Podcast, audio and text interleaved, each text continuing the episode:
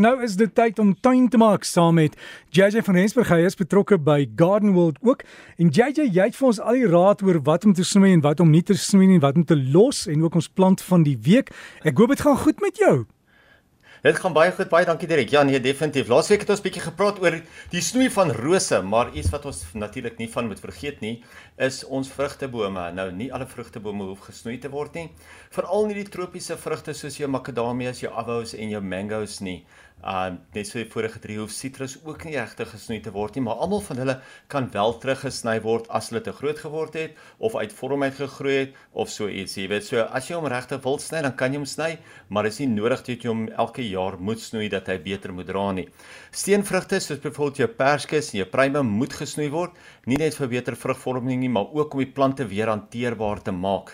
As die bome te hoog is, kan 'n mens nie regtig dit behandel of pluk nie. Nou die finale hoogte moet nie meer as omtrent so 2.5 2,5 meter wees nie. So al sny jy die lang regop takke lekker kort af, laat hy laer weer kan uitbos, dan gaan dit baie help. Sny ook al die binne takke uit om 'n lekker oop boom te vorm wat baie lig inlaat. Jou dunner draadtakkies kan dan teruggesny word tot hulle so om en by 15 cm lank is. Maar dis baie belangrik snoei hom wel sodat jy minder vrugte gaan hê, maar 'n beter gehalte het. Oor die algemeen as mense dit net los, dan kry jy geweldig baie vrugte op die plante of as jy te veel draadtakke los, dan kry jy baie vrugte op die plante, maar dit is nie altyd 'n goeie kwaliteit nie. So probeer eerder om hom uh minder te maak sodat die vrugte 'n beter kwaliteit is sodat jy minder vrugte gaan kry, maar dat dit wel bruikbaar is. Moerbybome kan ook lekker sterk teruggesny word en hier kan 'n mens ook die standaard moerby so snoei dat hy 'n bietjie interessante vorm en 'n groeiwyse het. So kyk bietjie uit na jou moerby en dit is nou waar mense eintlik daai treurende takke uh weier uitmekaar uit kan kry wat mense hom baie interessanter kan sny. As ons kom by druiwe, druiwe is sekerlik die plant wat die sterkste teruggesny moet word van alle vrugdraende plante.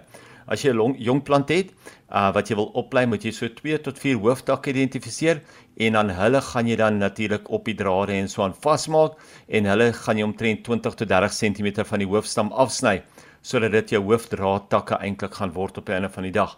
As jy wel die ouer laterale tak al klaar het, kan jy hulle so om by 1 meter tot 1.5 meter afsny en die kleiner sytakkies tot omtrent so 15 cm weer eens terugsny ook. Nou is ook die regte tyd om jou drywe te snoei net na volmaan. Onthou laasweek het ons gepraat van die volmaan of van die maan se effek op die aarde en nou net na volmaan is dit 'n baie goeie tyd om jou drywe stokke ook natuurlik te sny. Baie mense vra hoekom sny mense jou vrugtebome? Natuurlik sny ons dit om beter bome te gee, sterker bome te gee, minder aandag eintlik dwars deur die jaar vir jou te gee, maar ook om die bome selfs hand, meer hanteerbaar te maak. Ons wil hulle kleiner hê. Ons wil hulle hê sodat jy nie 'n ellelange leer nodig het om daai laaste vrugte te pluk nie, maar sodat jy wel net op 'n kort leer of op 'n stoel kan staan en dan so jou vrugte kan pluk sodat die mense die meeste daarvan kan kry. Mense wil ook snoei dat jy geen takke het wat teen mekaar kan skuur nie. So as daar enige kleiner takkies is wat basies teen mekaar skuur, in die ligste briesie of so, dan moet 'n mens eerder een van die twee takkies afsny sodat daar nie geskuur word nie, anders gaan hy ongelukkig al daai bloeiseltjies heeltemal weg um wegskuur en dan moet 'n mens ook kyk na jou dooie hout wat 'n mens ook wil uitsny. Dis ook 'n baie belangrike ene want 'n mens sit baie keer na 'n paar jaar of so sit jy met 'n geweldige klomp dooie hout binne in die bome wat eintlik die boom baie onnet maak. En so kan 'n mens van die dooie hout ontslaa, maar terselfdertyd kan 'n mens ook dan baie nuwe groei weer kry. So die nuwe groei is net so belangrik want dit is waarop ons lekker al ons vrugte, al ons nuwe groei, al ons nuwe ontwikkeling van die boom self gaan kry. So dit is nou die regte tyd. Dit is lekker koud. Ek weet baie plekke het nog nie regtig baie koue gehad nie, maar dit is nou die regte tyd om jou plante terug te sny. Jou plante is nou dormant en jy kan hulle nou terugsny en lekker laat uitspruit net na die net na die winter. Ons plant van die week is een van ons nuwe lavender variëteite, ons lavendel variëteite en dit is 'n uh, eh, Lavandula stugas Hollard variëteit. Nou is een van die Franse lavendel variëteite en ek weet baie mense sê nee, die stugas is die Spaanse Spaanse variëteite, maar dit is Frans of Spaans maak nou nie saak nie.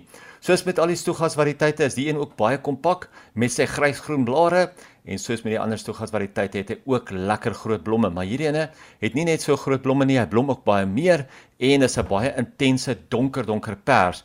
Hy groei so om by 30 cm hoog en wyd.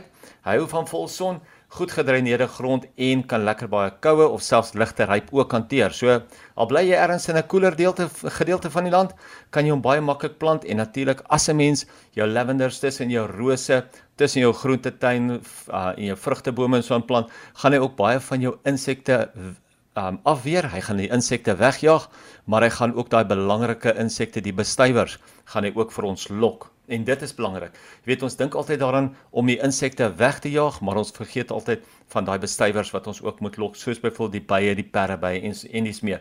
So kyk bietjie uit vir die lavender, maar hierdie hierdie week is dit die Lavandula stoegas, die Hollard variëteit. Maar JJ en 'n bietjie huiswerk vir jou. Kan ons eendag praat oor die kuns van espalier of is espalier soos die Engelse hom ook noem of ander tale? Is waar jy mos 'n groente eh, wel 'n vrugteboom plant teen 'n muur en hom leer om nie wyd te groei nie, maar teen die muur op. 100% ons kan definitief definitief so maak.